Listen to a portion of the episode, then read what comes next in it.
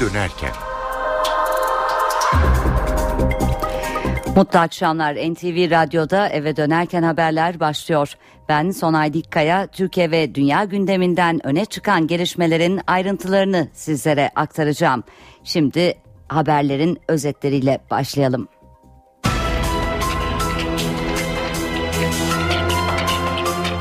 Ve bir son dakika gelişmesi. Berkin Elvan'ın ölümünü protesto gösterileri sırasında hayatını kaybeden Burakcan Karamanoğlu'nu vuran kişinin cinayet silahıyla yakalandığı açıklandı. Dışişleri Bakanı Davutoğlu makam odasındaki Suriye toplantısının dinlenmesiyle ilgili NTV'ye konuştu. O ses kaydı internete yüklenmeden dikkat çeken mesajlar yapan CHP liderine açıklama yapmaya çağırdı. Dışişleri Bakanlığı gizli toplantının dinlendiği ortaya çıkınca tepeden tırnağa aranıyor. MIT ve emniyetin siber suçlarla mücadele uzmanları da devrede.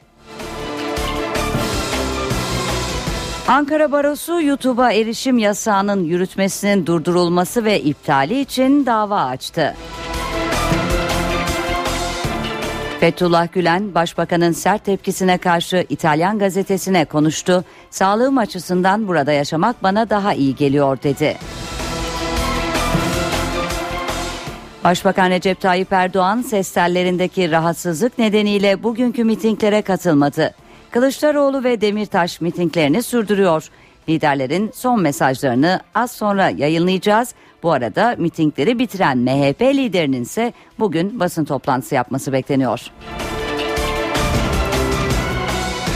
Ve seçime ilişkin bir not daha aktaralım. Seçimin ardından pazartesi günü ilk ve orta dereceli okullar tatil olacak. Yaz saati uygulaması da pazartesi günü başlayacak. Gündemden satır başlarını aktardık. Şimdi ayrıntılar.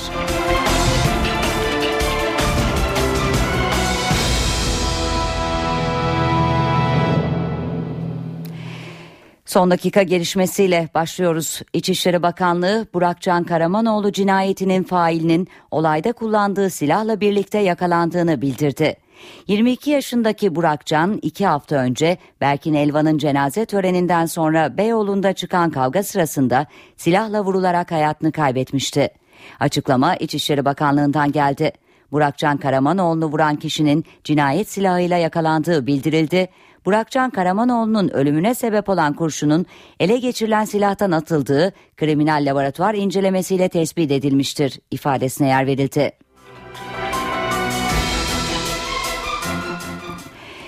Ve Türkiye internete düşen ses kaydını konuşuyor.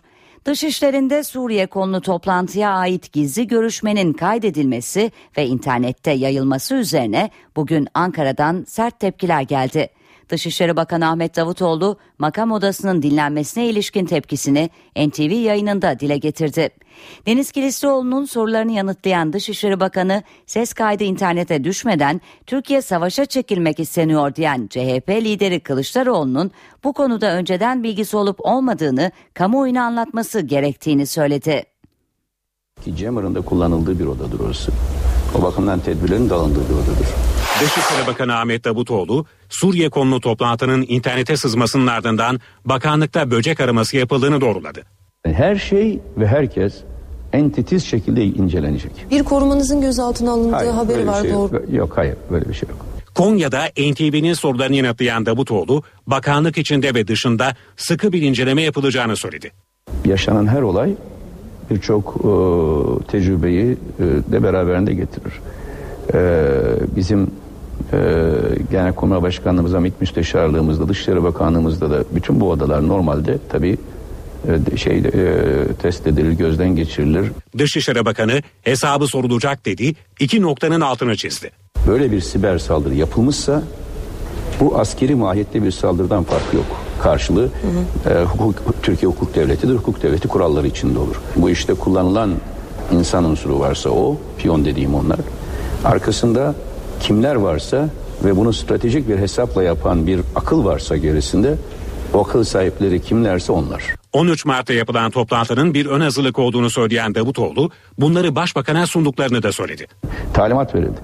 Şimdi dev- e, bu bilinen bir risk. Bizim devletimizin, milletimizin, oradaki askerimizin güvenliğini kesinlikle riske atmayız. Davutoğlu daha önce Genelkurmay Başkanı'na çağrı yapıp Türkiye'yi maceraya sürüklemeyin diyen CHP liderinin bu ses kaydını daha önceden dinlediğini düşündüğünü söyledi.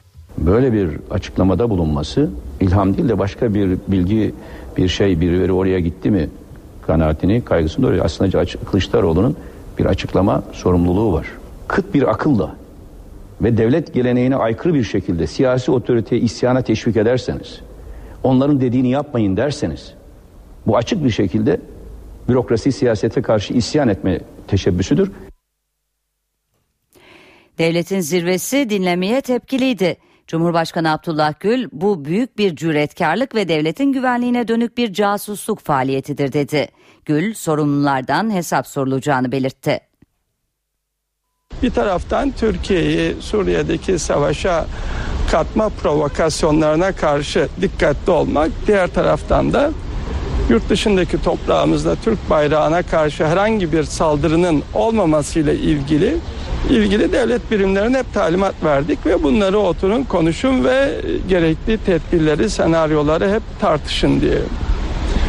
Dışişleri Bakanı'nın başkanlığına, makam odasına devletin en önemli güvenlik bürokrasisinin başındaki kişilerin bir araya gelip bu tedbirleri konuştukları bir toplantının takip edilmesi, dinlenmesi, izlenmesi çok büyük bir cüretkarlıktır ve bu devletin güvenliğine tabii dönük bir casusluk faaliyetidir. Ne gerekirse yapılacak ve bu faaliyeti kimler düşündü, kimler organize etti, kimler katıldı, kimler katkı verdi ve kimler yaptı muhakkak ortalığı çıkartılacaktır. Meclis Başkanı Cemil Çiçek de haince saldırı ve çabalar yargı önünde hesap verecektir derken Başbakan Yardımcısı Bülent Arınç da dinlemenin kimlere fayda sağlayacağına işaret etti. Bugün devlete bir ihanet var. Açıkça bir casusluk var. Kimdir, neresidir, hangi ülkedir, hangi istihbarat teşkilatıdır, hangi alçaktır? Şu anda bir adres verecek durumda değilim ama bunu yapıyor. Buradaki konuşma eğer gerçekse ki büyük ölçüde gerçek, bundan bunun erişime sokulmasından, bunun yayına verilmesinden sadece Suriye istifade eder. Rejim istifade eder. El-Kaide istifade eder. IŞİD istifade eder. İçeriğini bildiğim için söylüyorum. Kimin işine yaradığını bilirseniz kimin yaptığını da aynı adreste bulabilirsiniz. Unutmayın ki MİT müsteşarı da o konuşmanın içerisinde ve MİT müsteşarının konuşmasını MİT'in dışarıya servis edeceğini düşünmek akla zarar bir iştir. Şunu diyebilirsiniz MİT'in içerisinde de bir başka yapı vardı o bunu yapmıştır. E hayalhanesi çok geniş olabilir insanların. Bu hayallerin bir kısmı da gerçek olabilir. Buna söyleyecek hiçbir sözüm yok. Ana muhalefet lideri Kemal Kılıçdaroğlu ise söz konusu ses kaydı ile ilgili hükümeti suçladı. Kılıçdaroğlu yapılan casusluk olabilir ama konuşulanlar çok vahim dedi.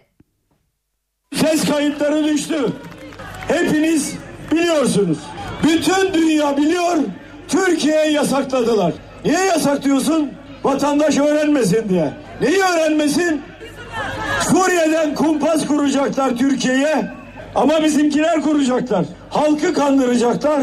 Akıllarınca dünyayı kandıracaklar. Türkiye'den Suriye'ye girecekler. Askeri gönderecekler. Ve böylece de Recep Tayyip Erdoğan seçimlerde kahraman olacak. Barış ve Demokrasi Partisi'nden de yazılı bir açıklama geldi.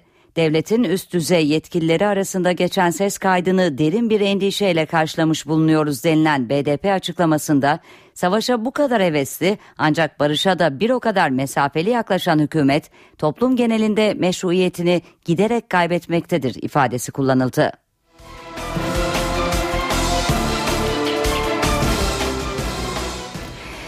Dışişleri Bakanı'nın makam odasının dinlenmesi ve kaydedilen gizli toplantının internete sızdırılması üzerine Ankara Cumhuriyet Başsavcılığı soruşturma başlattı. Soruşturma kapsamında başta dışişleri olmak üzere devletin stratejik birimlerinde böcek araması yapılıyor, dinlemenin hangi teknikte yapıldığı araştırılıyor. Hem MIT'in hem de emniyetin siber suçlarla mücadele birimi teyakkuzda. Dışişleri Bakanı'nın makam odasında yapılan gizli Suriye toplantısının illegal olarak kaydedilmesiyle ilgili soruşturmada çok sayıda uzman görevlendirildi. Soruşturma Ankara Cumhuriyet Başsavcılığı gözetiminde yürütülüyor. Öncelikli olarak Dışişleri Bakanı Ahmet Davutoğlu'nun makam odası böcek taramasından geçirildi. Bakanlığın tüm stratejik birimleri de aranıyor. Soruşturmaya Davutoğlu'nun makam katında görevli tüm sivil personelle koruma görevlileri de dahil edildi.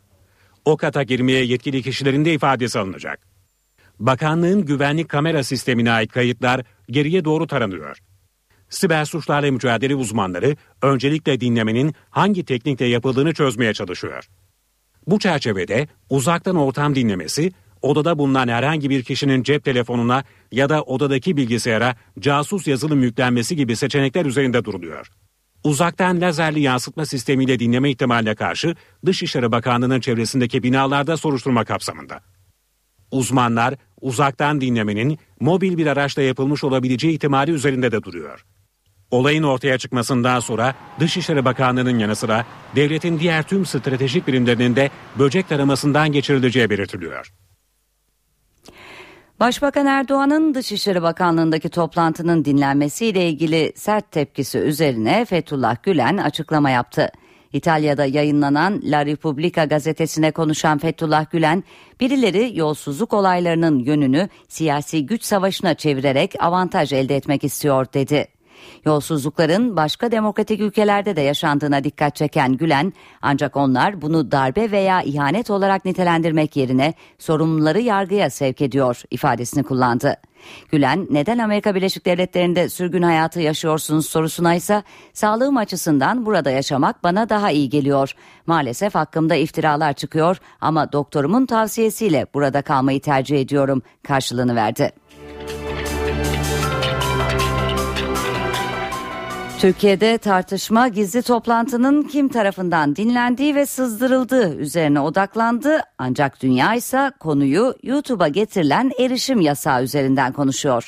İnsan hakları örgütleri ve Dünya Yazarlar Birliği'nden de Ankara'ya tepki var. YouTube erişimin engellenmesine Amerika Birleşik Devletleri ve Avrupa Birliği'nden tepki geldi. Amerika Birleşik Devletleri Dışişleri Bakanlığı Sözcüsü Mary Harf, engellemelerin kısa süre içinde kaldırılması çağrısında bulundu.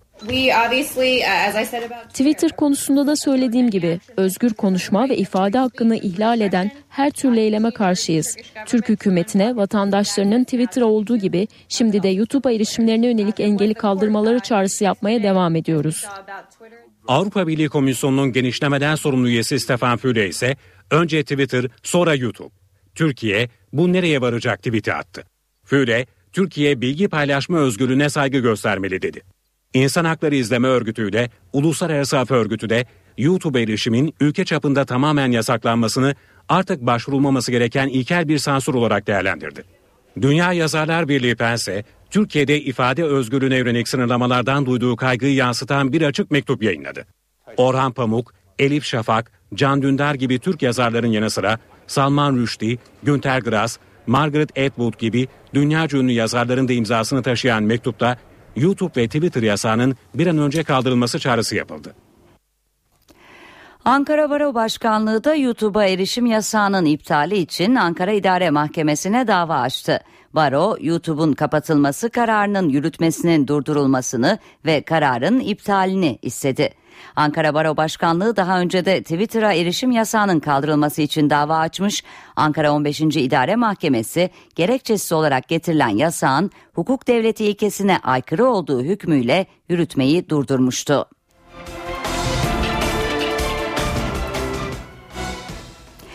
Deniz Baykal internete düşen görüntülerin başbakanın talimatıyla yayıldığı iddiası için insanlar durduk yerde başbakanı suçlamıyorlar dedi. Baykal, Halefi Kılıçdaroğlu'nun başbakana yönelik suçlamaları içinse ben henüz başbakanı parmağımla işaret etmedim diye konuştu. Hiçbir gayret, hiçbir çaba sergilemiyor o Sayın Başbakan. E, işi e, yuvarlak suçlamalarla geçiştirmek istiyor. O kasetin kaldırılmasını istemiş olması Sayın Baş, e, Başbakan'ın bir süre sonra kullanmasına engel olmadı hatırlarsınız. Meydanlarda kullandı bunu. Öyle yarım saat sonra kaldırılmasını istedim arkadaşlarıma söyledim diyerek e, bu konudaki sorumluluğun ortadan kalkması e, sağlanamaz. Siyasi konu değildir. Bu kriminal bir konudur. Ağır cezalık bir iştir bu. Yani insanlar iftira etmek için durduk yerde Sayın Başbakan'ı suçlamak için bunu söylemiyorlar. Herkesin söylerken e, bu konuda bir gerekçesi var ve bunların hepsi önemli, hepsi ciddi. Yani ben daha parmağımla işaret etmedim Sayın Başbakan'a. Henüz etmedim. Ama e, Başbakanın bir açıklama yapması lazım. Bir ciddi konuşmaya ihtiyaç var. Bir ciddi anlatmasına ihtiyaç var. Ortada ciddi iddialar var. NTV Radyo Şimdi kısa bir reklam arası veriyoruz ardından yeniden birlikte olacağız. Eve dönerken devam ediyor. Eve dönerken haberlere yerel seçim notlarıyla devam edelim. Liderler son mitinglerini yapıyor. Başbakan Recep Tayyip Erdoğan ise ses tellerindeki rahatsızlık nedeniyle bugün İstanbul'daki konutunda istirahat ediyor. Başbakanın gidemediği Konya'da Dışişleri Bakanı Ahmet Davutoğlu, Kayseri'de ise Enerji Bakanı Taner Yıldız konuştu. Geceleyin Sayın Başbakanımızı aradık ve Sayın Başbakanımıza dedik ki eğer Konya'ya gelirseniz Konya'nın sizi nasıl yüreğine basacağını bilirsiniz. Ama doktorlarınız uyarıyorsa daha bu memleketin Türkiye Cumhuriyeti Devleti'nin ve Konya'nın size ihtiyacı var. Başbakan Recep Tayyip Erdoğan ses tellerindeki rahatsızlık nedeniyle Konya ve Kayseri mitinglerine katılamadı. Başbakan ses tellerini dinlendirmek için İstanbul Kısıklı'daki konutunda istirahat etti. Rahatsızlığı nedeniyle cuma namazına da çıkmadı. Şimdi konuşmalarını Konya'daki mitingde Dışişleri Bakanı Ahmet Davutoğlu seçmene seslendi. Cemaati hedef aldı. Herkes haddini bilecek dedi. 30 Mart'ta öyle bir ses yükselecek ki bu meydanlardan, Anadolu'dan, Trakya'dan, Pensilvanya'da dinleyecek. Türkiye Cumhuriyeti Devleti'ne meydan okuyan herkes dinleyecek. Herkes haddini bilecek. CHP lideri Kemal Kılıçdaroğlu bugün Aydın ve Bartın'da konuştu. Temiz siyaset vurgusu yapan CHP lideri halk 30 Mart'ta helalle haramı ayırmalı dedi. Mevcut iktidarı biliyorsunuz. Buradan ses kayıtlarını izlediniz. Kimin ne mal olduğunu, kimin neler yaptığını da çok iyi biliyorsunuz. Sizden bir isteğim var. Sandığa gideceksiniz. Özellikle Adalet ve Kalkınma Partisi'ne oy veren saygıdeğer yurttaşlarıma sesleniyorum. Sandığa gideceksiniz. Bir tek şey istiyorum. Elinizi vicdanınıza koyun ve oyunuzu öyle kullanın. Bir tek şey istiyorum. Eğer kolunda 700 milyarlık kol saatiyle bir bakan geziyorsa elinizi vicdanınıza koyun bir düşünün. Bütün yurttaşlarıma sesleniyorum. Siyaset günlük siyaset değildir artık. Helalle harama ayırma siyasetidir bu siyaset. Sandığa gideceksiniz. Oy kullanacaksınız. Ben onların vicdanına sesleniyorum. Harama mı ortak olacaksınız? Helale mi ortak olacaksınız? Bu arada CHP liderinin birazdan Ankara'da düzenlenecek mitingde konuşması bekleniyor. MHP lideri Devlet Bahçeli seçim gezilerini tamamladı. Bahçeli son iki günde miting yapmayacak ancak şu sıralarda Ankara'da seçim bürosunda basın toplantısı düzenleyip gündemdeki gelişmeleri değerlendirmesi bekleniyor. Ve BDP eş başkanı Selahattin Demirtaş Şanlıurfa'da konuştu. Demirtaş 17 Aralık üzerinden hükümeti eleştirdi. Seçim günü içinde provokasyon uyarısı yaptı. Bir tane fakir bakan gösterebilir misiniz? Bunların işi gücü para biriktirmek. Etrafını, eşini, dostunu, yakınını kayırmak. BDP'li belediyede yolsuzluk yoktur. Hiçbir BDP'li belediyede kayırmacılık yoktur. Sandıklara herkesin sahip çıkması lazım. Ancak özellikle sandık başındaki görevli arkadaşlar gençler şuna da dikkat edin. Seçimin yapıldığı gün sandık başında kavga çıkarıp gerilim yaratmak isteyenler olabilir. Bunlara asla mahal vermeyin. Asla bu provokasyonlara gelmeyin. Çünkü sandık başında kavga çıkarıp sandık güvenliği kalkmıştır diyerek oraya başkalarını güvenlik güçlerini davet etmek isteyebilirler. Siz bu tür oyunlara gelmeyin. Sabırlı olun, sakin olun. Yerel seçim öncesi Ankara Büyükşehir Belediye Başkan adayları arasındaki suikast yapılacağı açıklamaları valiliği harekete geçirdi. Hem olası bir provokasyonu önlemek hem de seçim güvenliğini sağlamak için Ankara'da üst düzey güvenlik önlemleri alındı. Ankara Vali Alaaddin Yüksel başkentte pazar günü 13 bin polisin görev yapacağını açıkladı.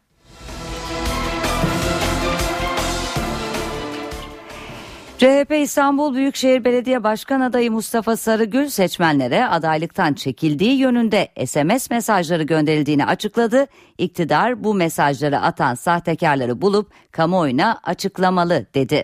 Sarıgül seçim günü içinde provokasyon uyarısı yaptı. Sandık görevlilerine elektrik kesilirse sandığın üzerine oturun diye seslendi.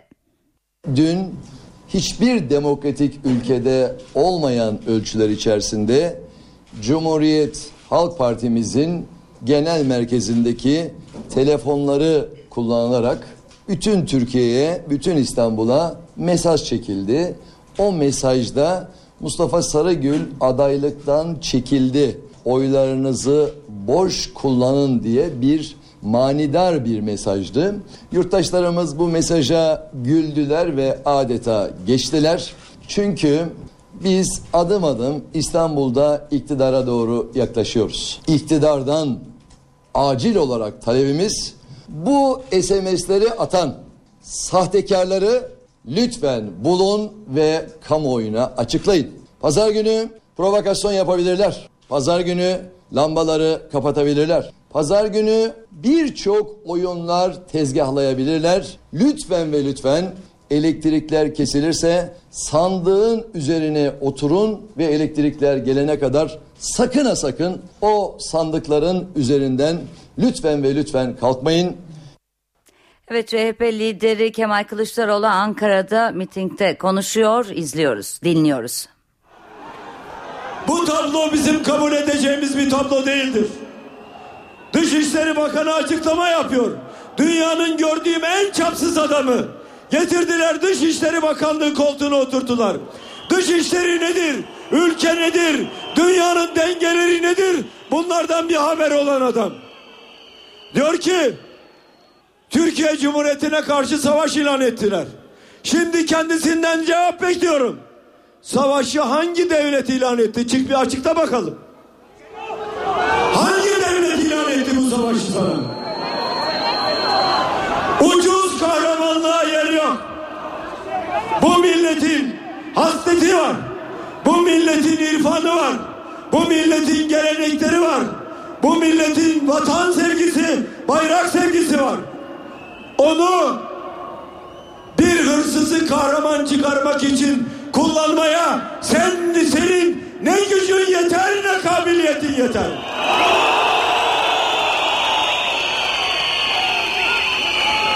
Daha acı olanı sevgili Ankaralılar.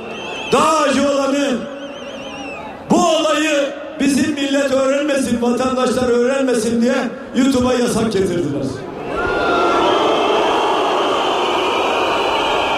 Bakın şimdi özelliği şu. Biz öğrenemeyeceğiz. Bütün dünya biliyor. Çünkü onlar hemen ulaşıp bunu okuyabiliyorlar. Dinleyebiliyorlar. Ama bizim vatandaşların okumasını istemiyorlar.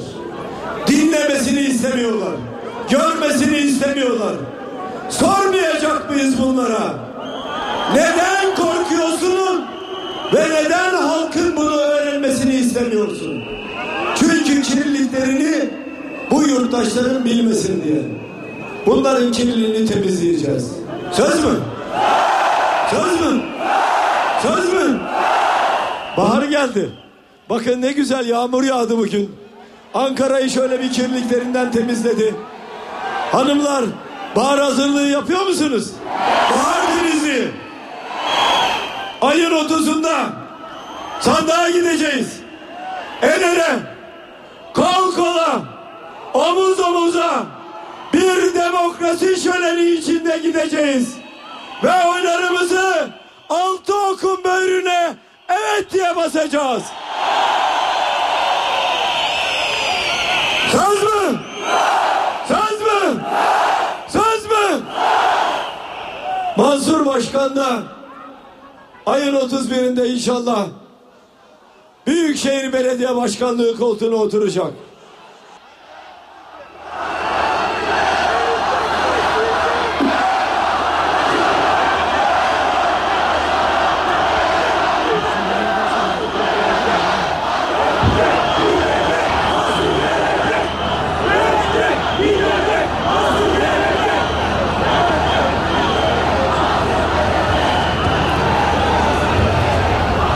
Diyorlar ki efendim Cumhuriyet Halk Partisi iktidara gelirse dolarlar yükselir, faizler yükselir. Buna inanıyor musunuz? İnanıyor musunuz? Son iki yılda zaten dolar yüzde yirmi arttı. CHP mi vardı iktidarda? Kendi yaptıklarını bize fatura etmek istiyorlar. Yine diyorlar ki CHP öyle diyor. Şu CHP var ya CHP sesi kısılmış.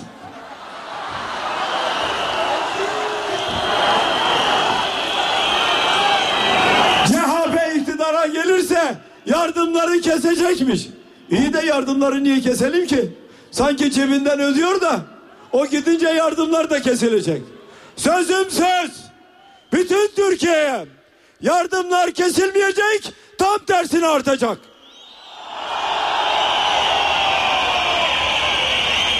Yine diyor ya bu başçalar şu CHP var ya CHP evet ne olmuş efendim gelirse bunlar devleti yönetemezler hayatımda duydum hayatımda duydum en saçma soru ya devleti kuran parti nasıl devleti yönetemez ama bir şeyi teslim edelim bak biz bunlar gibi gerçekten yönetemeyiz. Çünkü biz hırsızlık nedir bilmeyiz. Utanırız. Allah'tan korkarız. Kul hakkı yemek nedir bilmeyiz. Ne diyordu? Ben yürütmenin başıyım diyordu. Biz senin yürütmenin başı olduğunu çok iyi biliyoruz. Hiç endişemiz yok o konudan.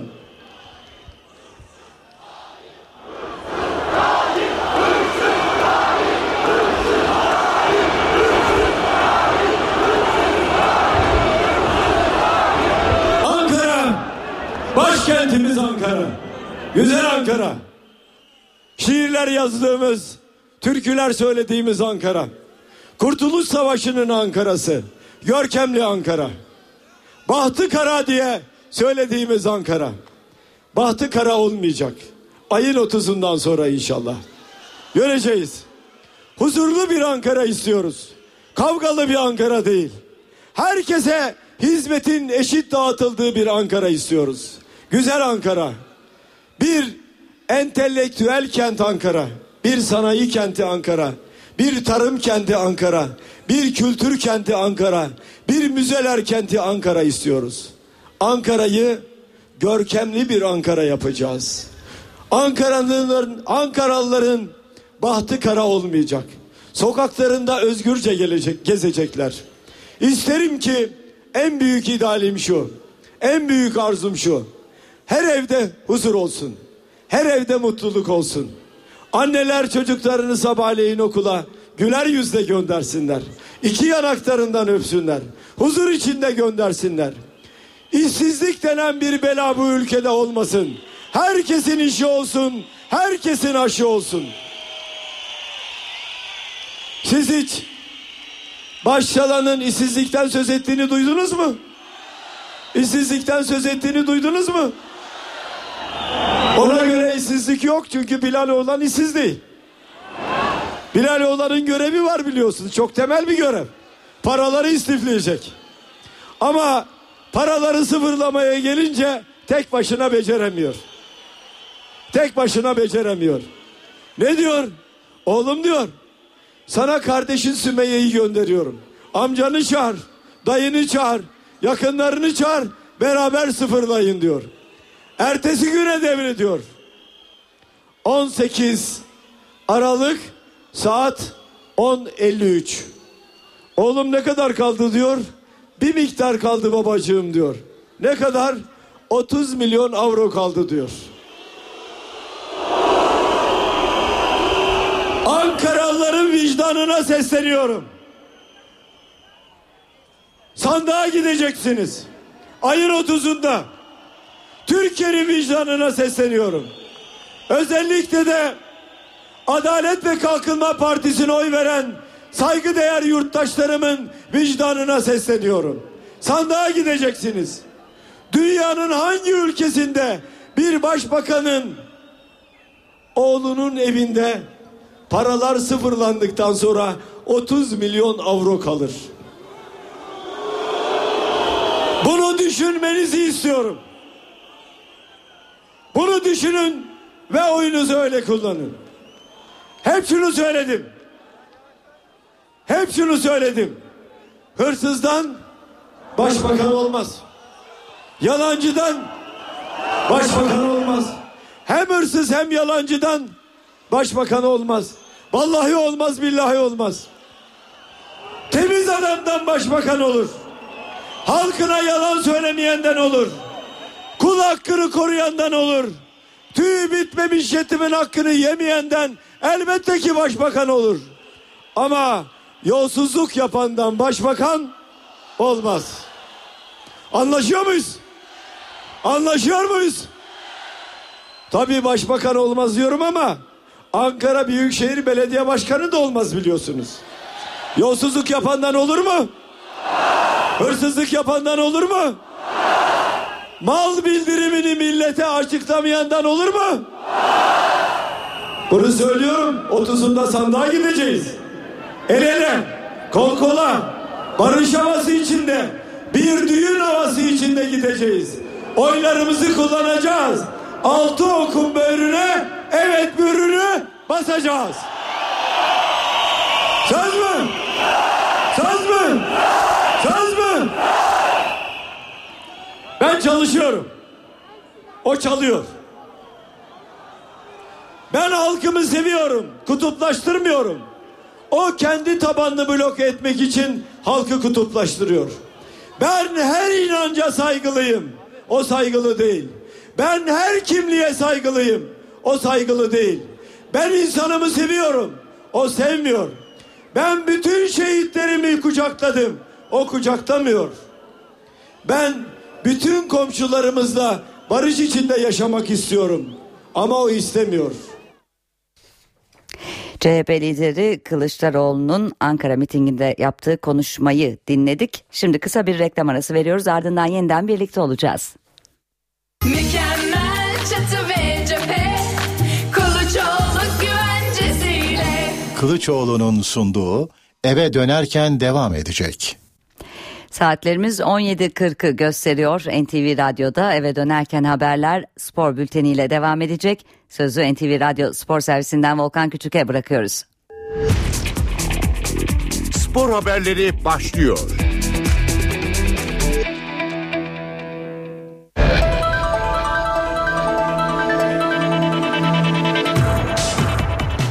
Beşiktaş Manuel Fernandez ile yol ayrımında. Sakatlığı nedeniyle bir aydır sahalardan uzak kalan ve ameliyat olmak isteyen Portekizli operasyon geçirmesi halinde sezonu kapatacak. Beşiktaş'ta Manuel Fernandes krizi sürüyor. Fernandes teknik heyet ve yönetimden izin almadan bir hafta önce Portekiz'e gitmişti.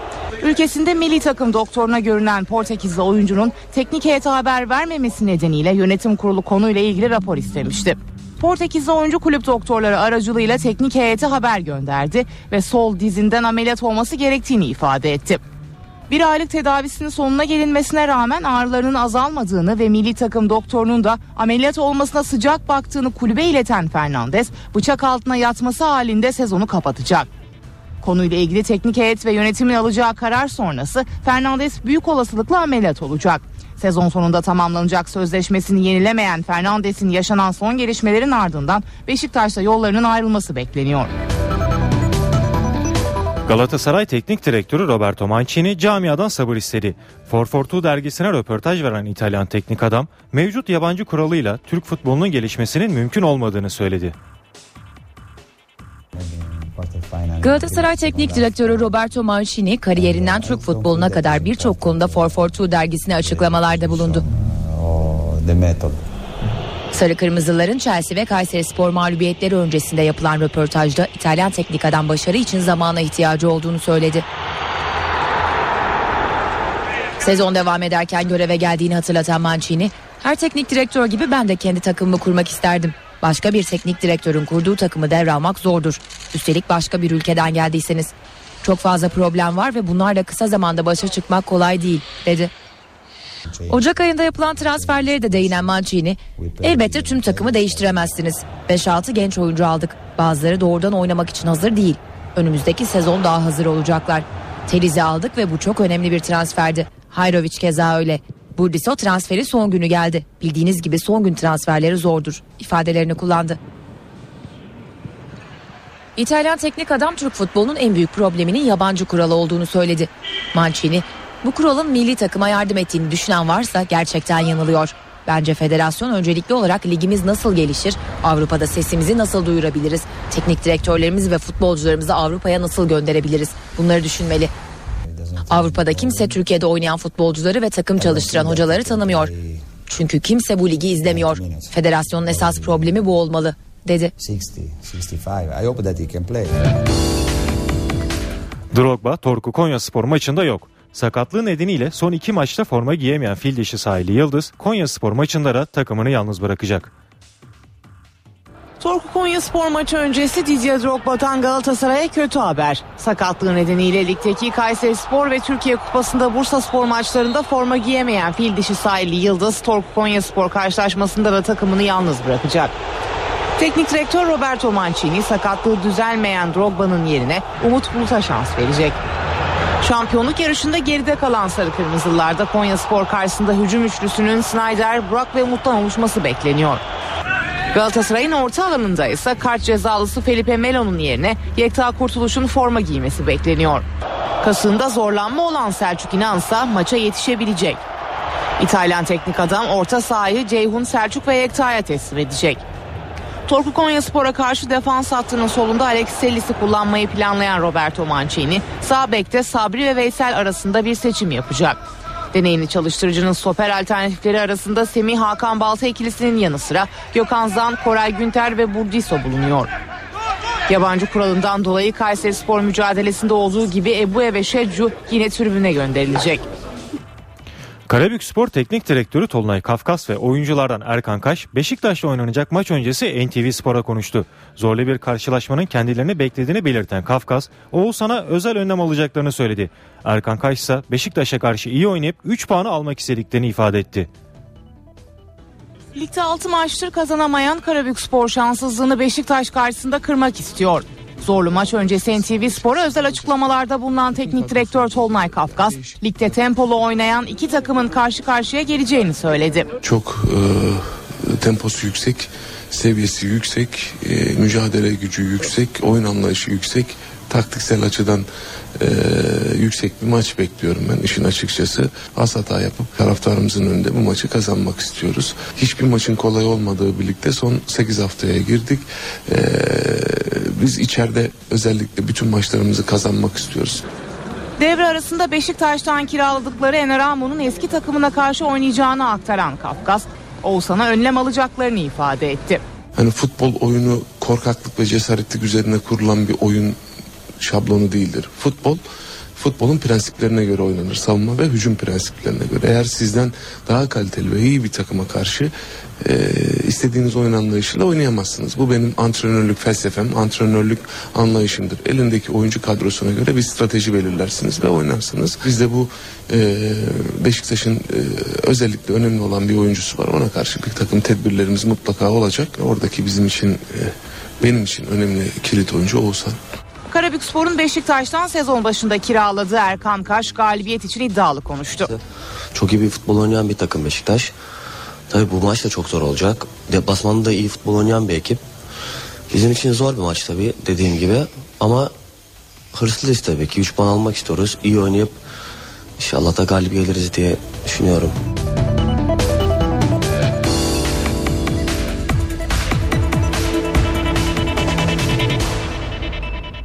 Eve dönerken devam edecek. Saatlerimiz 17.57'yi gösterirken İstanbul'daki trafik durumuna bir göz atacağız. Avrupa yakasından Anadolu'ya geçişlere bakalım. Birinci köprü Çağlayan, Hürriyet Tepesi, Mecidiyeköy, Zincirlikuyu ve Boğaz Köprüsü'nün üzeri dahil olmak üzere oldukça yoğun gözüküyor şu sıralarda. Köprü çıkışında Altunizade'de akıcı bir seyir gözlenmekte. İkinci köprü Fatih Sultan Mehmet Köprüsü'ne baktığımızda da trafik Nurtepe'den itibaren başlıyor. Hastal, Seyrantepe ve Maslak'ta da oldukça yoğun. Fatih Sultan Mehmet Köprüsü girişi ve köprü üzeri de oldukça yoğun, sıkışık bir durumda. Kavacık çıkışında da akıcı bir seyir gözlenmekte ancak yine de orada trafik yoğunluğu artmaya başlamış durumda. Anadolu'dan Avrupa'ya geçişlere baktığımızda ise birinci köprü Boğaziçi Köprüsü Çamlıca, Çamlıca ve Altunizade trafik yoğunluğu henüz başlamamış durumda ancak Boğaz Köprüsü'ne girişte hafif bir sıkışıklık gözlenmekte. Fatih Sultan Mehmet Köprüsü'nde de yine Ataşehir ve Ümraniye akıcı Kavacık'ta trafik yoğunluğu başlamış durumda. Köprü üzerinde ise akıcı bir seyir var. Köprülerdeki trafik durumu böyleydi. İstanbul'un diğer yerlerinde de yine şu saat itibariyle trafik başlamış gözüküyor. Bağlantı yolu Nurtepe Akom yönünde de bir araç arızası meydana gelmiş. Bu araç arızası da bölgedeki trafiği yoğunlaştırmakta.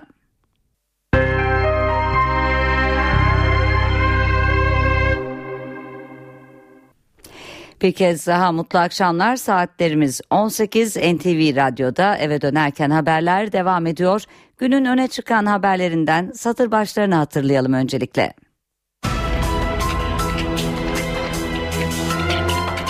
Berkin Elvan'ın cenaze töreninden sonra çıkan olaylarda vurularak ölen Burakcan Karamanoğlu'nun katil zanlısının silahıyla yakalandığı açıklandı.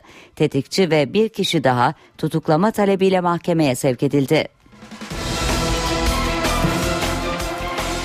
Dışişleri Bakanı Ahmet Davutoğlu makam odasındaki Suriye toplantısının dinlenmesiyle ilgili NTV'ye konuştu. O ses kaydı internete yüklenmeden dikkat çeken mesajlar yapan CHP liderini açıklama yapmaya çağırdı. Kılıçdaroğlu bu sözlere Ankara mitinginde cevap verdi. Davutoğlu'nun sözünü ettiği Suriye konulu ses kaydını daha önce dinlemedim dedi. Fethullah Gülen'in 1990 yılında aldığı yeşil pasaport iptal edildi. Gerekçe pasaportun usulsüz yöntemlerle alındığının tespit edilmiş olması. Suriye, Türkiye'yi El Nusra örgütü dahil olmak üzere ülkenin kuzeyindeki silahlı gruplara askeri destek vermekle suçladı. Suriye Dışişleri Bakanlığı Türkiye desteğinin acilen kınanmasını istedi. Seçime iki gün kala oy pusulaları sandık görevlilerine teslim edildi. Görevliler çuvallar içinde verilen oy pusulası, zarf, mühür gibi seçim malzemelerini evlerine götürdü. Pazar sabahına kadar da evlerinde saklayacak. Enerji Bakanı Taner Yıldız Nisan ayında doğalgaz ve elektriğe zam yapılmayacağını söyledi. Öne çıkan haberlerden satır başlarını aktardık. Şimdi ayrıntılar.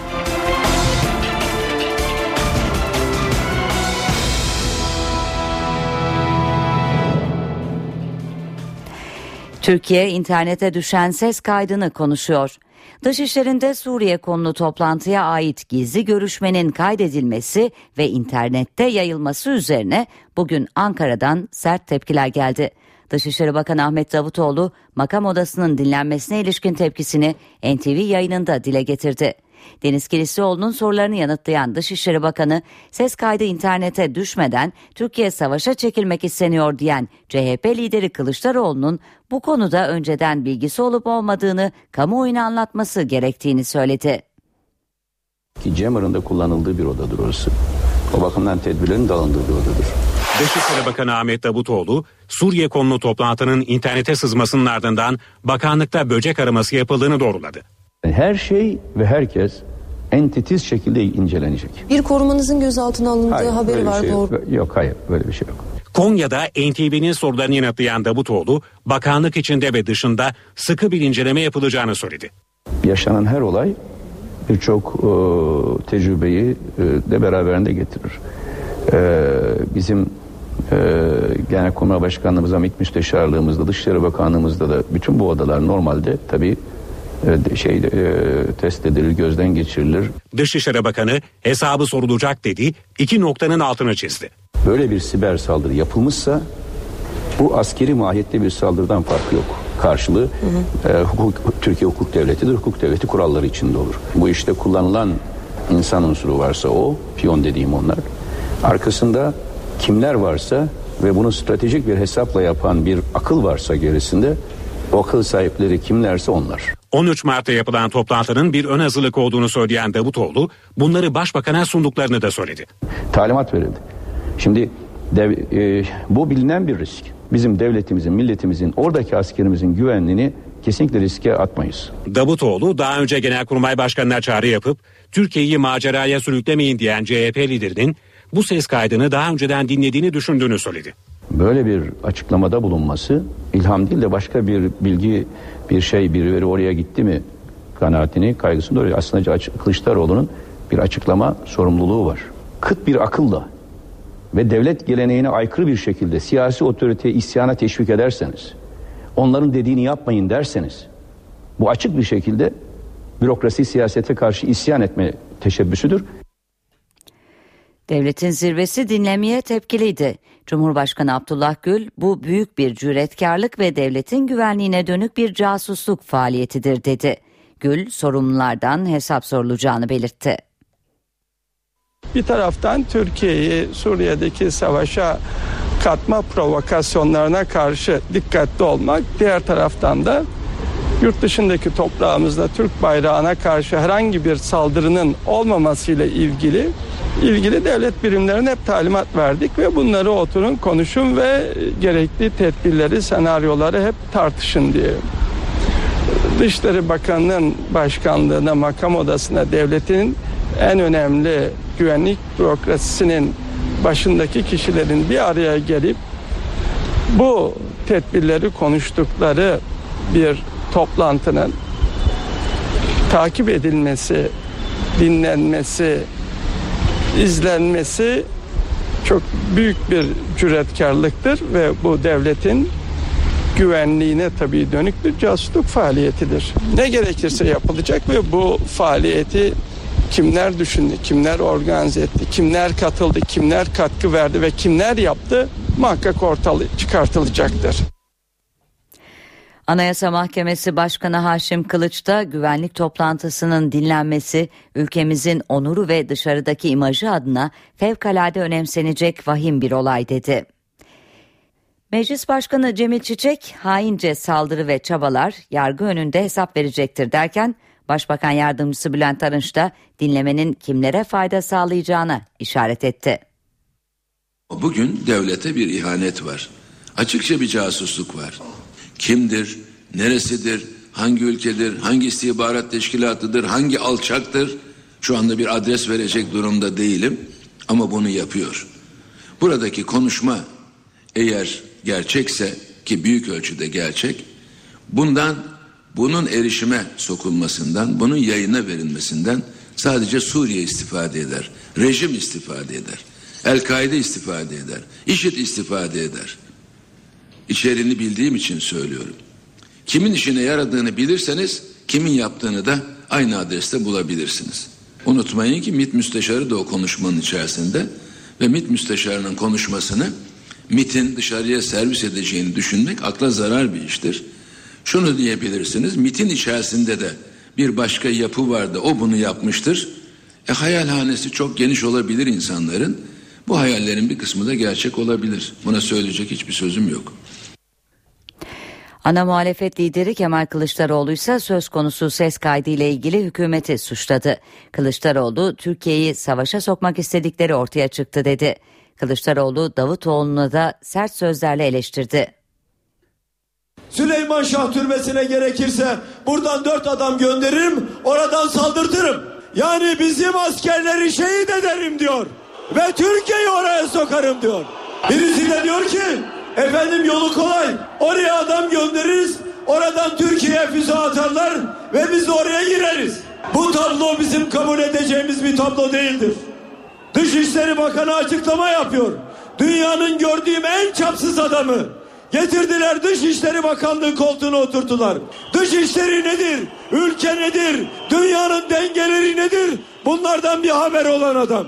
Diyor ki Türkiye Cumhuriyeti'ne karşı savaş ilan ettiler. Şimdi kendisinden cevap bekliyorum. Savaşı hangi devlet ilan etti? Çık bir açıkta bakalım. Hangi devlet ilan etti bu savaşı sana? Ucuz kahramanlığa yer yok. Bu milletin hasreti var.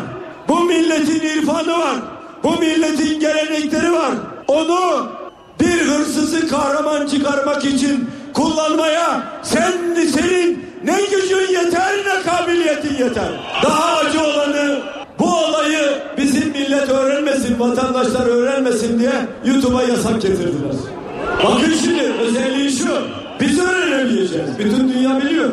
Çünkü onlar hemen ulaşıp bunu okuyabiliyorlar, dinleyebiliyorlar. Ama bizim vatandaşların okumasını istemiyorlar. Sormayacak mıyız bunlara? Neden korkuyorsun ve neden halkın bunu öğrenmesini istemiyorsun? Çünkü kirliliklerini bu yurttaşların bilmesin diye. Barış ve Demokrasi Partisi'nden de yazılı bir açıklama geldi. Devletin üst düzey yetkilileri arasında geçen ses kaydını derin bir endişeyle karşılamış bulunuyoruz denilen BDP açıklamasında savaşa bu kadar hevesli ancak barışa da bir o kadar mesafeli yaklaşan hükümet toplum genelinde meşruiyetini giderek kaybetmektedir ifadesi kullanıldı.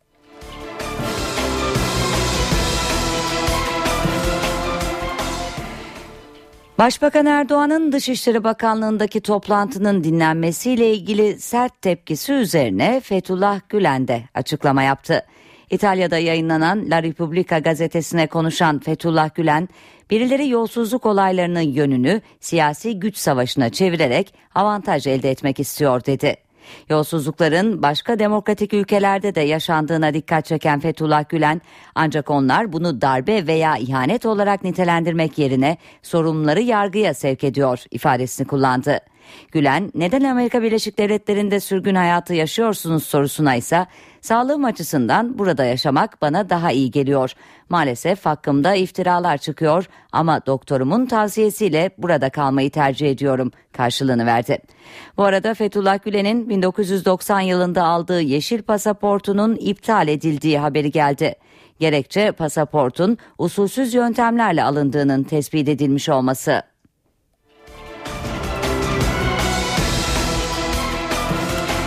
Ankara Barosu gizli ses kayıtlarının yayınlandığı YouTube'un kapatılması kararının iptali için Ankara İdare Mahkemesi'ne dava açtı. Baro kararın yürütmesinin durdurulmasını ve iptalini istedi. Ankara Baro Başkanlığı daha önce de Twitter'a erişim yasağının kaldırılması için dava açmış. Ankara 15. İdare Mahkemesi gerekçesiz olarak getirilen yasağın hukuk devleti ilkesine aykırı olduğu hükmüyle yürütmeyi durdurmuştu. Ve Suriye, Türkiye'yi El Nusra örgütü dahil olmak üzere ülkenin kuzeyindeki silahlı gruplara askeri destek vermekle suçladı. Suriye'nin Birleşmiş Milletler daimi temsilcisi Beşar El Caferi, Birleşmiş Milletler'e Türkiye'nin Laskiye bölgesinde, İsrail'in de Golan'daki ateşkes bölgesinde bulundukları ihlaller konusunda 7 ayrı mektup verdi. Caferi, Türkiye'nin Laskiye bölgesindeki Kesep kasabasına saldıran silahlı gruplara destek sağladığı suçlamasında bulundu. Suriye Dışişleri Bakanlığı da Birleşmiş Milletler'e gönderdiği mektuplarda Kesep bölgesine saldıran militanlara Türkiye desteğinin kınanması için acil adımlar atmasını talep etti. Suriye'deki çatışmalar sırasında 3 top mermisi daha sınırı geçip Türkiye'ye düştü. Top mermilerinden biri Hatay'ın Yayladağ ilçe merkezinde Suriyelilerin kaldığı çadır kentin yakınına düştü. Bir evle Kur'an kursu binasının camları kırıldı. Diğer iki top mermisi ise ormanlık alana düştü. Türk güvenlik görevlileri de atışın yapıldığı noktaya top atışıyla karşılık verdi. Berkin Elvan'ın cenazesi sonrası gerçekleşen gösterilerde ölen Burakcan Karamanoğlu'nun katil zanlısı olayda kullandığı silahla yakalandı. Açıklama İçişleri Bakanlığı'ndan geldi. Bakanlık Burakcan Karamanoğlu'nun ölümüne sebep olan kurşunun ele geçirilen silahtan atıldığı kriminal laboratuvar incelemesiyle tespit edilmiştir dedi. Tetikçiyle birlikte bir kişi daha yakalandı ve iki zanlı tutuklama talebiyle mahkemeye sevk edildi. Şimdi kısa bir reklam arası veriyoruz ardından yeniden birlikte olacağız. eve dönerken devam ediyor. Gelişmelerin ayrıntılarıyla yeniden karşınızdayız. 30 Mart'ta sandık başında çalışacak görevlilerin eğitimi tamamlandı. Oy pusulası, zarf, mühür ve tutanaklar da zimmetli olarak görevlilere teslim edildi. Sandık görevlileri çuvallar içinde teslim aldıkları oy pusulası, mühür, tutanak ve benzeri seçim malzemelerini evlerine götürdü. Evi yakın olan görevlilerin çuvalları sırtlayıp yürüyerek götürmesi ve bu sırada hiçbir güvenlik önlemi alınmaması dikkat çekti. Seçim görevlilerine verilen çuvallarda oy pusulası zarflar, mühür, tutanak ve sayım cetveli var. Görevliler seçim malzemelerini pazar gününe kadar evlerinde saklayacak. Pazar sabahı da oy kullanma saatinden önce görevli oldukları oy verme yerine götürecek.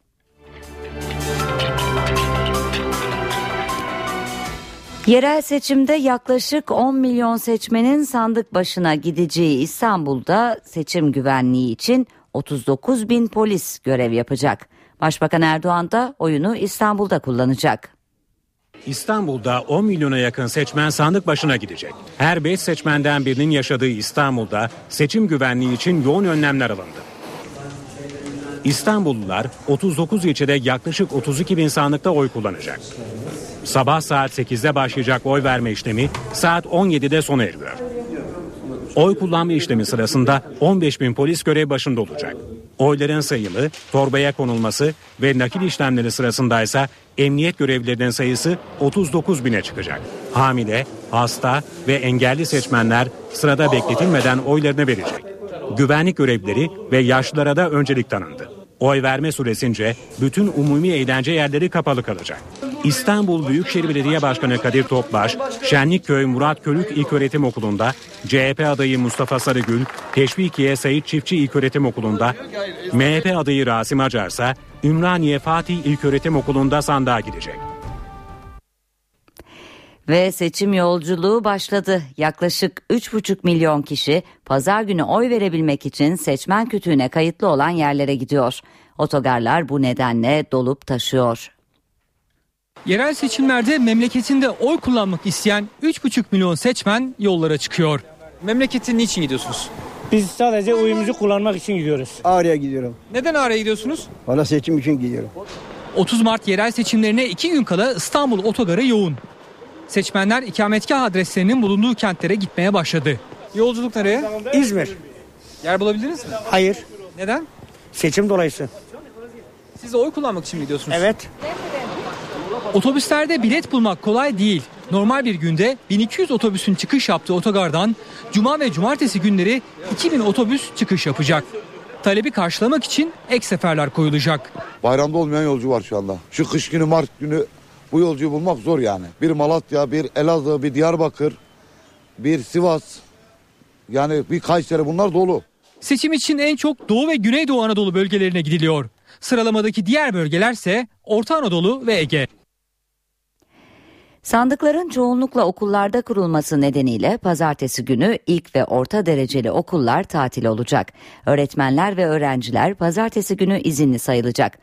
Bir de uyarıda bulunalım 31 Mart pazartesi aynı zamanda yaz saatine geçilecek gece saat 03'te saatler 1 saat ileri alınacak.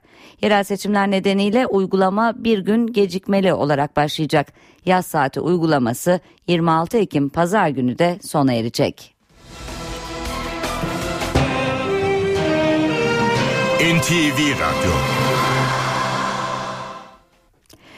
Maliye Bakanı Mehmet Şimşek, Türkiye'de yolsuzluğun sıfırlanmadığını ancak azaldığını söyledi. Bakan 17 Aralık operasyonunun ise yolsuzlukla ilgisi olmadığını belirtti. Seçim sonrası yolsuzlukla mücadele konusunda adımlar atılacağını söyledi. Türkiye'de yolsuzluk sıfırlanmamıştır. Doğrudur. Çok kapsamlı bir reformla yolsuzlukla yaptığımız mücadeleyi daha güçlendirmemiz lazım. Maliye Bakanı Mehmet Şimşek yolsuzlukla mücadele paketinin sinyalini verdi. 17 Aralık ve sonrasında yapılan operasyonların yolsuzlukla mücadele amacı taşımadığını söyledi. 17 Aralık operasyonlarının yolsuzlukla da ilgisi yoktur. Zamanlaması itibariyle, içeriği itibariyle, bugün geldiği nokta itibariyle bunun bir siyasi operasyon olduğunu, milli iradeye yönelik bir darbe olduğunu, Türkiye'nin istikrarını bozmaya yönelik bir darbe olduğu açık ve nettir. NTV yayınına katılan Maliye Bakanı Şimşek, 17 Aralık operasyonunun Doğu ve Güneydoğu Anadolu'da nasıl karşılandığını anlattı. Buradaki vatandaşlarımız 17 Aralık'ın tamamen siyasi seçimlere yönelik bir operasyon olduğu kanısında dedi. Acaba bu operasyonlar sonucunda yani iktidar partisi zayıflarsa bu acaba çözüm sürecini tehlikeye atar mı? Burada yeni filizlenen sanayileşme hamlesini, iş aş anlamındaki gelişmeleri sekteye uğratır mı diye bir kaygıları var. NTV Radyo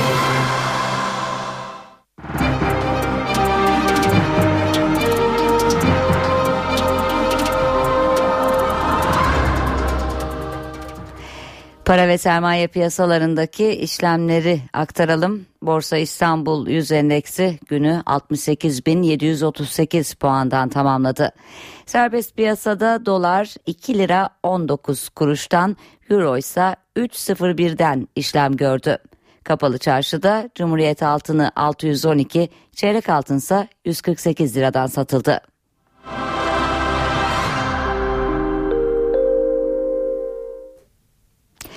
Enerji Bakanı Taner Yıldız Nisan ayında doğalgaz ve elektriğe zam yapılmayacağını söyledi.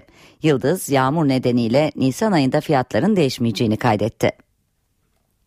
Bu ülkede 17 aydan bu yana ne elektriğe ne de doğalgaza zam yaptık. Doğalgaz maliyetlerimiz arttı. Döviz maliyetlerimiz arttı. Ama buna rağmen Allah'ın bize gönderdiği rahmetle beraber bu yağmurla beraber İnşallah su kaynaklarımıza beraber biz Nisan ayında da doğalgaz ve elektriğe zam yapmıyoruz. Herhangi bir fiyat değişikliğine gitmiyoruz. Yalnızca popülist yaklaşımlarda bulunmuyoruz. Yalnızca seçim zamanlarında değil bu yaptığımız. MIT'den dünya ünlü iktisat profesörü Daron Acemoğlu Türk ekonomisine ilişkin değerlendirmelerde bulundu. Acemoğlu uzun zamandır olmadığı kadar belirsizlikler var. Yabancı yatırımın çekilmeye başlaması ekonomide sıkıntı yaratacaktır dedi. Acemoğlu'nun CNBC'de Ceylan Olcaş'ın soruları üzerine yaptığı açıklamayı dinliyoruz şimdi. Türkiye'de şu anda uzun zamandır olmadığı kadar belirsizlikler var. Kurumsal belirsizlikler var, makroekonomik belirsizlikler var. Seçimlerin sonucunun ne olacağı hiç belli değil. Bu e, seçim sonrası gelişmelerin e, hem ekonomi hem siyasi e, ivmelerinin nereye gideceği hiç belli değil. Bu yüzden e, bu belirsizliğin Türkiye'ye çok kötü etkisi var tabii ki. Yabancı e, yatırım e, belirsizliği sevmez. Özellikle şu anda yabancı yatırım zaten her taraftan çekilmek üzere. Böyle olunca Türkiye için çok kritik bir dönem. Ee, seçim sonrası peki bu tansiyon düşer mi sizce? Bence düşmez çünkü Türkiye'deki belirsizlikler çok daha derin. Yani son 12 senedir olan gelişmeler gayet bir e, gri alana girdi yani şu anda. Nereye geldik? E, yargı kurumlarının durumu nedir? E, makroekonominin durumu nedir? Bundan sonrası ne olacak? Tamam belki bu yerel seçimlerde belli e, bir stabilite geldi ama ondan sonraki genel seçimde ne olacak? Ondan sonraki e, başkanlık seçiminde ne olacak? Bunlar belirsizlik olarak devam edecekler. Ve e, biraz önce de dediğim gibi yabancı sermaye de zaten kaçacak yer arıyor. Özellikle özellikle Federal Reserve'ün politikalarındaki değişmelerden sonra gelişmekte olan ülkelere aynı sıcaklıkla baş bakmayacaklar. Onun için Türkiye'nin makroekonomik dalgalanmalara hazır olması lazım. Zaten yabancı sermaye Türkiye'yi daha riskli olarak görmeye başladı. Bunu risk premiumlarından görebiliyoruz ve seçim zamanındaki belirsizliklerde buna da katkıda bulunacaklar. Her ne kadar finansal sermayeler hızlı bir şekilde davransalar da her zaman anında davranmıyorlar. Yani şu anda son Aralık'tan odan beri olan gelişmelerin etkisini şimdi hissetmeye başlıyoruz. Gelecek e, Nisan ayında hissedeceğiz, Mayıs ayında hissedeceğiz. Milyonerler göç ediyor. Araştırmaya göre son 10 yılda dünya çapında binlerce milyoner ülkelerini terk edip başka ülkelere göç etti. İşte milyonerleri kaçıran ve cezbeden ülkeler. New World Wealth araştırmasına göre milyonerler daha önce hiç olmadığı kadar fazla göç etti. Araştırmaya göre en çok milyoner göçü olan ülkelerin başında İngiltere var. Son 10 yılda İngiltere 114.100 milyonere ev sahipliği yaptı.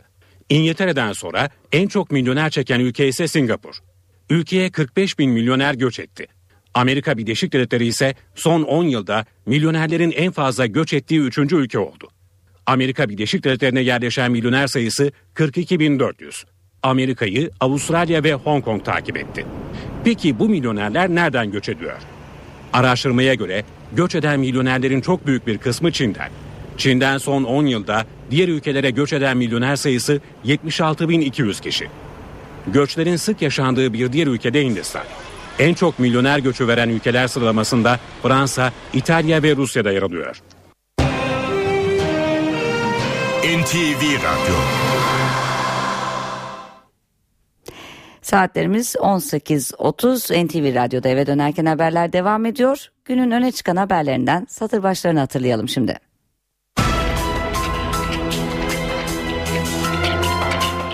Berkin Elvan'ın cenaze töreninden sonra çıkan olaylarda vurularak ölen Burakcan Karamanoğlu'nun katil zanlısının silahıyla yakalandığı açıklandı. Tetikçi ve bir kişi daha tutuklama talebiyle mahkemeye sevk edildi.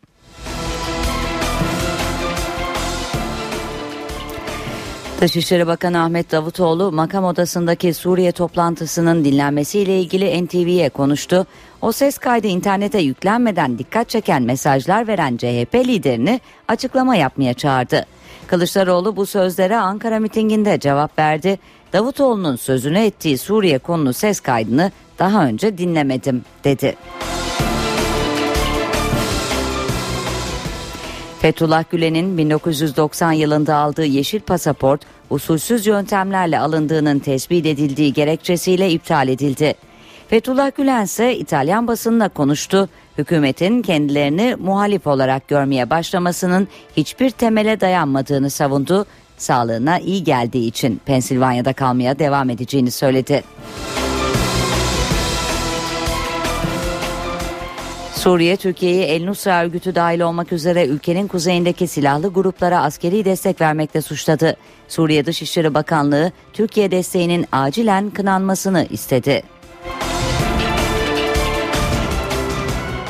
Seçime iki gün kala oy pusulaları sandık görevlilerine teslim edildi. Görevliler çuvallar içinde verilen oy pusulası, zarf, mühür gibi seçim malzemelerini evlerine götürürken hiçbir koruma yapılmaması dikkat çekti.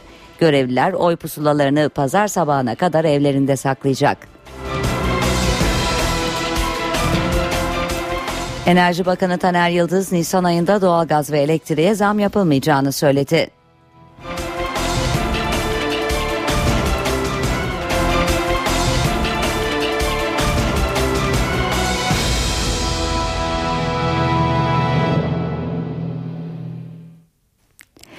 Türkiye pazar günü sandık başına gidiyor. Peki hafta sonunda yurt genelinde hava nasıl olacak?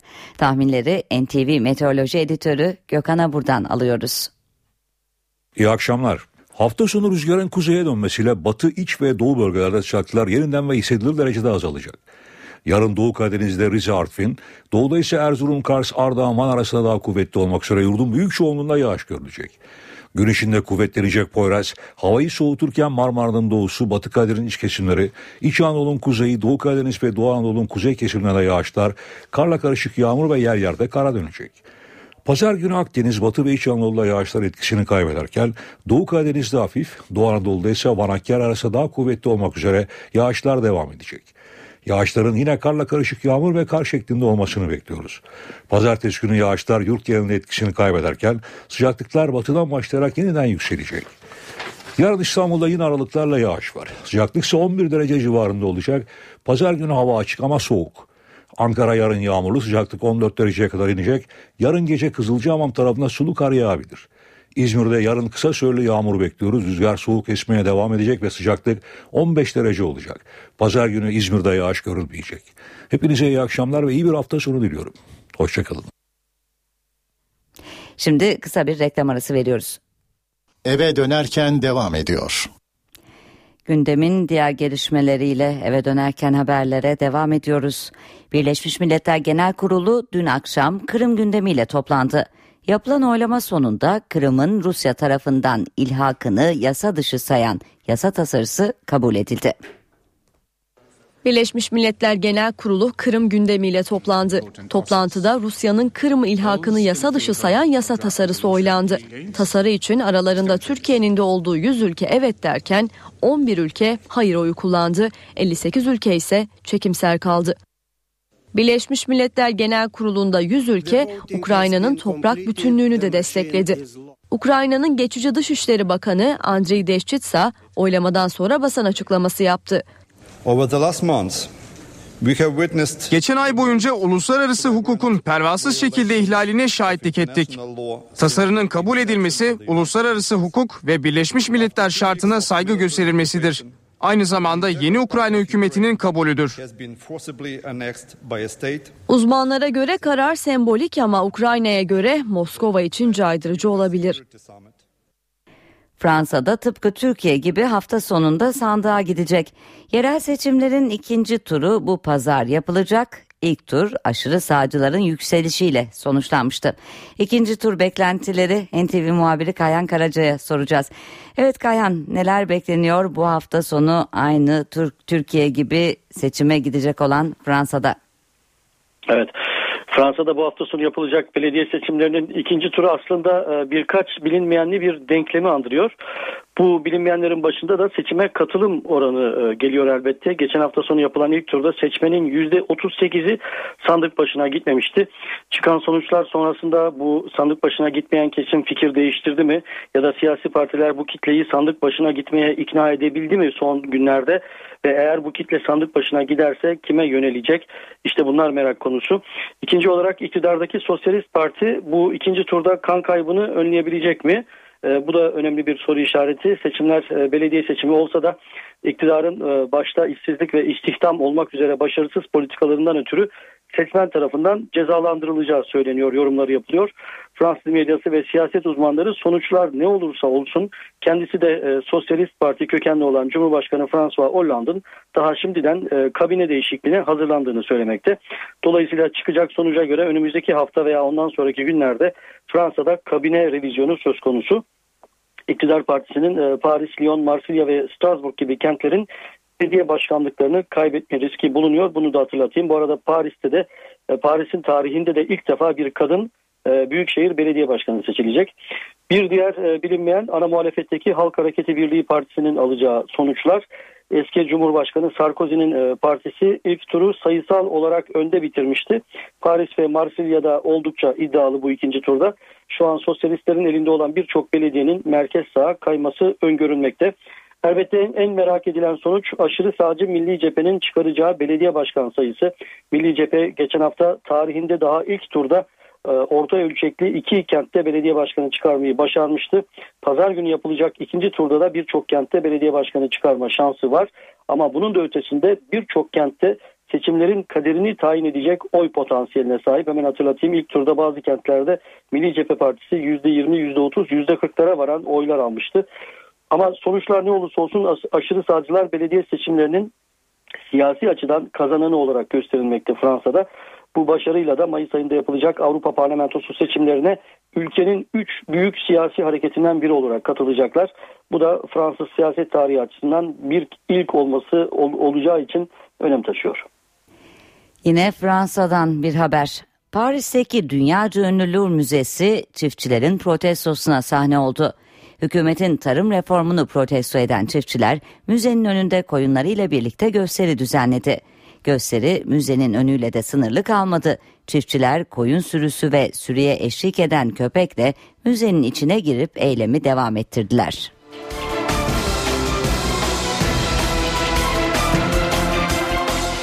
Kayıp Malezya uçağı esrarını koruyor. Son veriler üzerine uçağın tahmin edilenden daha önce düştüğü ortaya çıktı ve arama yapılan bölgede değiştirildi.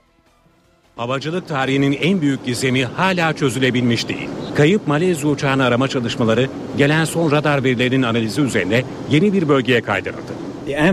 Aramalar uluslararası soruşturma ekibinden gelen tavsiye üzerine şu anki bölgenin kuzeyine kaydırıldı. Burası enkazın olabileceği en güvenilir yer olarak görülüyor. Bu yeni bulgulara göre 239 kişinin bulunduğu Malezya uçağının sanılandan daha hızlı gittiği anlaşıldı. Bu da uçağın yakıtının daha hızlı bittiği ve uçağın tahmin edilenden önce düştüğü anlamına geliyor. Yeni arama alanı Avustralya'nın Perth kentinin 1850 kilometre batısında 319 bin kilometre karelik bir alanı kapsıyor. Çalışmalar çok büyük bir alanda ve yüzeydeki enkazların bulunmasına odaklandı. Ama bu da zaman alabilir. Kayıp uçağın bulunması için denizaltı izleme cihazları da kullanılıyor. Böylece 30 gün boyunca sinyal verebilen kara kutulardan gelen sinyalin alınması umuluyor. Kuala Lumpur'dan Pekin'e giden Malezya Hava Yolları'na ait yolcu uçağı 8 Mart'ta içindeki 239 kişiyle kaybolmuştu. Kapalı mekanlarda sigara tüketimi yasaklanınca dünyada erken doğum oranı azaldı. Sigara yasağıyla birlikte astım vakalarında da düşüş olduğu belirlendi. Sigara yasağı erken doğum oranını azalttı.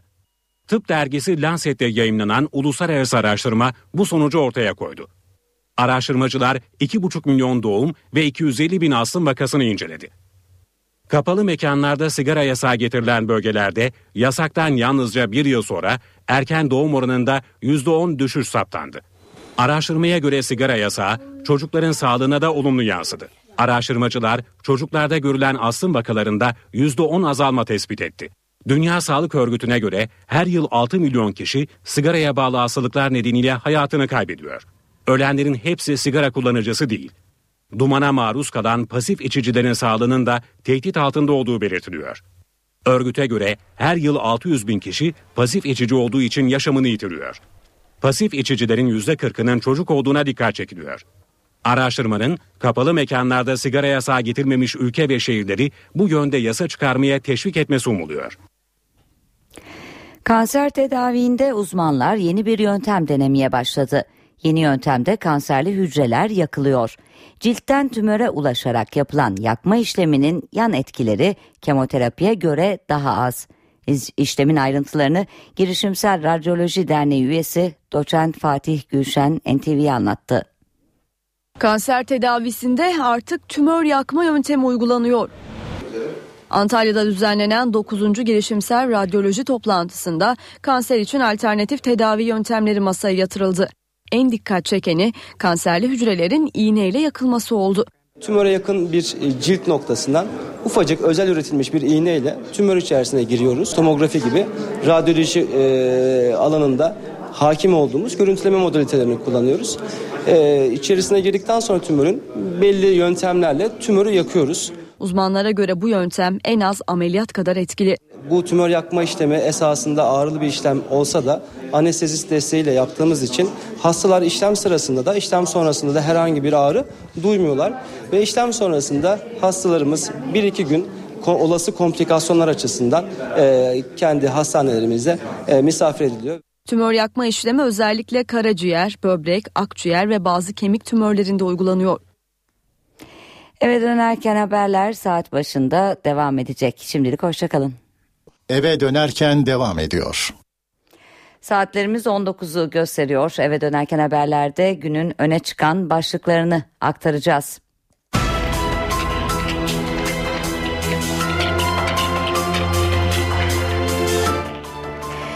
Berkin Elvan'ın cenaze töreninden sonra çıkan olaylarda vurularak ölen Burakcan Karamanoğlu'nun katil zanlısı silahıyla yakalandı. Tetikçi ve bir kişi daha tutuklama talebiyle mahkemeye sevk edildi. Burakcan'ın babası Halil Karamanoğlu katil zanlısının yakalanmasıyla acılarının bir nebze de olsa hafiflediğini söyledi. Dışişleri Bakanlığı'ndaki Suriye toplantısının ses kayıtlarının internete düşmesinin ardından Bakan Ahmet Davutoğlu NTV'ye konuştu. Bunun hesabı sorulacak dedi. Bakanlıkta böcek araması yapıldığını söyleyen Davutoğlu, ses kaydı internete yüklenmeden dikkat çeken mesajlar veren CHP liderini açıklama yapmaya çağırdı. CHP Genel Başkanı Kemal Kılıçdaroğlu ise ses kaydı ile ilgili hükümeti ve Dışişleri Bakanı Davutoğlu'nu eleştirdi. Kılıçdaroğlu, Türkiye'yi savaşa sokmak istedikleri ortaya çıktı dedi. CHP lideri Davutoğlu'nun açıklama yapmalı çağrısında da çağrısına da karşılık verdi. Suriye konulu ses kaydını internete sızmadan önce dinlemediğini söyledi. Konu başkentin önemli gündem maddelerinden. Ardarda arda açıklamalar geldi. Cumhurbaşkanı Abdullah Gül bu büyük bir cüretkarlık ve devletin güvenliğine dönük bir casusluk faaliyetidir dedi. Anayasa Mahkemesi Başkanı Haşim Kılıç güvenlik toplantısının dinlenmesini çok vahim bir olay sözleriyle değerlendirdi. Meclis Başkanı Cemil Çiçek ise haince saldırı ve çabalar yargı önünde hesap verecektir derken Başbakan Yardımcısı Bülent Arınç da dinlemenin Suriye ve El-Kaide'ye fayda sağlayacağına işaret etti. Güvenlik toplantısının illegal dinlenmesine ilişkin soruşturmayı kimin yürüteceği de belli oldu. Dosya savcı Tekin Küçük'e verildi. Fethullah Gülen'in 24 yıl önce aldığı yeşil pasaport iptal edildi. Bu gelişme öncesinde ise Gülen'den bir açıklama geldi. İtalyan basınında konuşan Gülen, hükümetin kendilerini muhalif olarak görmeye başlamasının hiçbir temele dayanmadığını savundu. Yolsuzluk iddialarına da dikkat çeken Gülen, demokratik ülkelerde sorumlular yargıya sevk ediliyor dedi. Deniz Baykal kendisiyle ilgili internete düşen görüntülerin başbakanın talimatıyla yayıldığı iddialarıyla ilgili konuştu. Ben henüz başbakanı parmağımla işaret etmedim diyen Baykal, Erdoğan'ın konuşmasına ihtiyaç var dedi. Ankara Barosu YouTube'a erişim yasağının yürütmesinin durdurulması ve iptali için dava açtı. Görevden alınan Savunma Sanayi Müsteşarı Murat Bayar, Başbakanlık Baş Müşavirliğine atandı. Bayar'ın yerine ise yardımcısı Faruk Özlü vekalet edecek. Enerji Bakanı Taner Yıldız Nisan ayında doğalgaz ve elektriğe zam yapılmayacağını söyledi.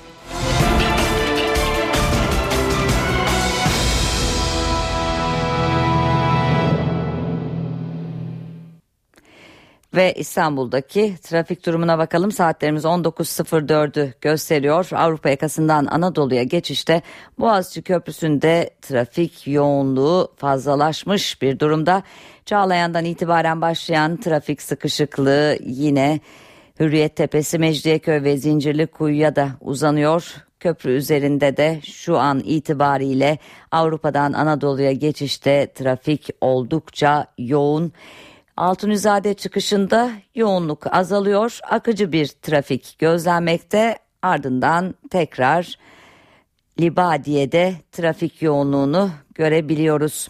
Ve ikinci köprüye Fatih Sultan Mehmet Köprüsü'ne bakalım. Avrupa'dan Anadolu'ya geçişte Fatih Sultan Mehmet Köprüsü'nde de trafik Hastal, Seyrantepe ve Maslak'ta oldukça yoğun. Köprü üzerinde de trafik yoğunluğu var. Kavacık çıkışında da Anadolu yakasına geçişte Kavacık çıkışında da yine trafik sıkışıklığı devam etmekte ancak Kavacık'tan sonra hafif akıcı bir trafik gözlemleniyor. Anadolu'dan Avrupa'ya geçişlere baktığımızda ise Boğaziçi Köprüsü'nde Altunizade ve Boğaz Köprüsü'nün girişiyle yine köprü üzerinde trafik yoğunluğunu görüyoruz. Trafik Fatih Sultan Mehmet Köprüsü'nde Anadolu'dan Avrupa'ya geçişte Ataşehir, Ümraniye ve Kavacık'ta şu sıralarda oldukça akıcı. Boğaziçi Köprüsü'nün Anadolu'dan Avrupa'ya geçişinde Çamlıca'da da trafik gözlenmemekte. NTV Radyo'nun yayını kısa bir aranın ardından Ercan Taner, Metin Tekin ve Murat Demiryas'ın yorumculuğunu yaptığı maç toplantısı programıyla devam edecek. Eve dönerken haberler burada sona eriyor. Mutlu bir akşam geçirmenizi diliyoruz. Hoşçakalın.